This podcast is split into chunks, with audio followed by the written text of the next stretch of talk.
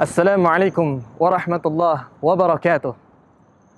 Alhamdulillahi rabbil alamin. Wassalatu wassalamu ala asyrafil anbiya'i wal mursalin wa ala alihi wa ashabihi wa man tabi'ahum bi ihsanin ila yaumiddin. Ikhwani fid din, rahimani wa rahimakumullah. Sesungguhnya di antara pokok akidah yang diyakini dan dipegangi oleh Ahlus Sunnah wal Jamaah adalah terjaganya hati mereka dari rasa dendam, dari rasa benci, dari rasa permusuhan dan keyakinan yang buruk terhadap para sahabat Rasulullah sallallahu alaihi wasallam.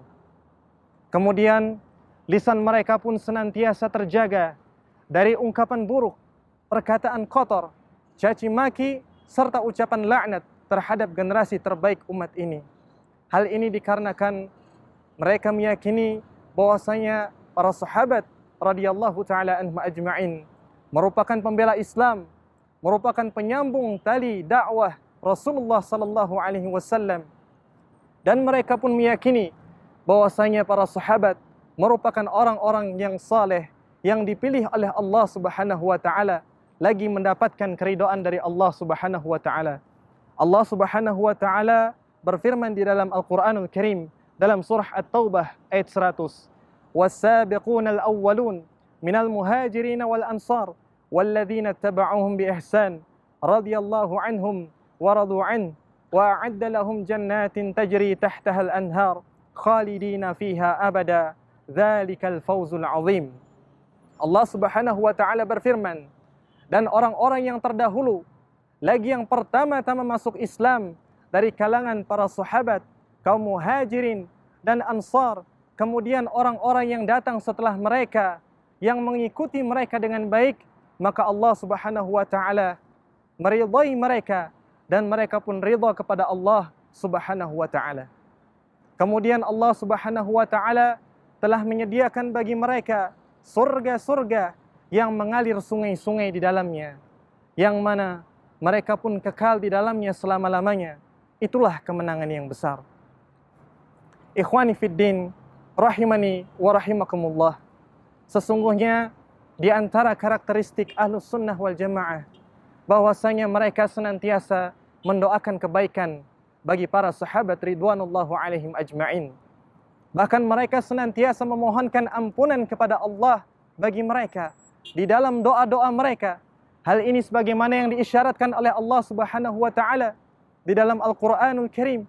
Allah Subhanahu wa taala berfirman, "Walladzina ja'u min ba'dihim yaquluna rabbana ighfir lana wa li ikhwanina alladzina sabaquna bil iman wa la taj'al fi qulubina ghillan lil ladzina amanu rabbana innaka ra'ufur rahim."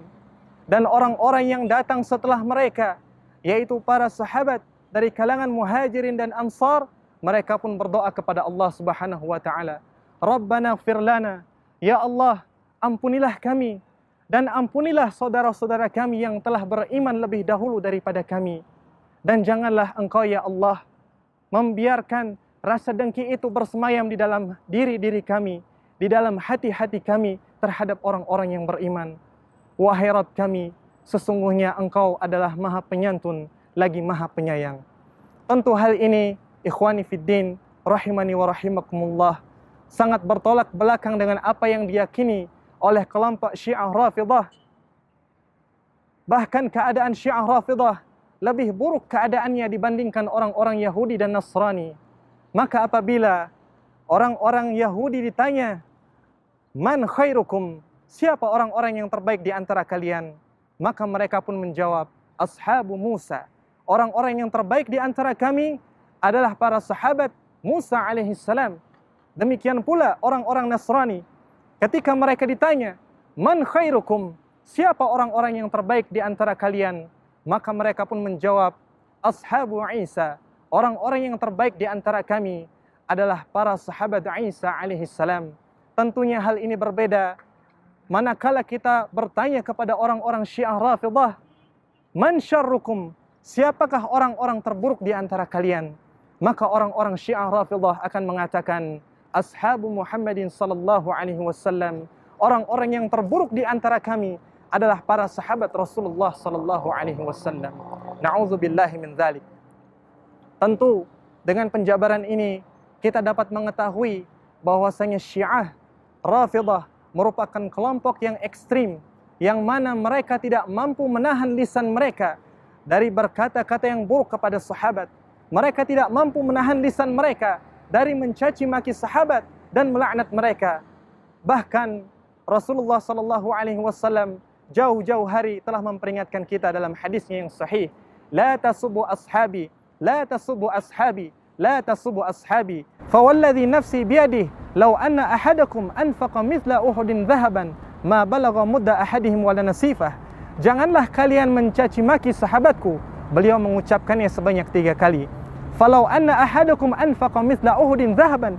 Sekiranya salah seorang di antara kita berinfak dengan emas sebesar gunung Uhud, maka sungguh infak yang kita keluarkan tidak setara dengan infaknya para sahabat radhiyallahu taala anhu ajma'in. Bahkan di antara kekejian dan buruknya akidah Syiah Rafidah bahwasanya mereka meyakini akan murtadnya mayoritas para sahabat Rasulullah sallallahu alaihi wasallam.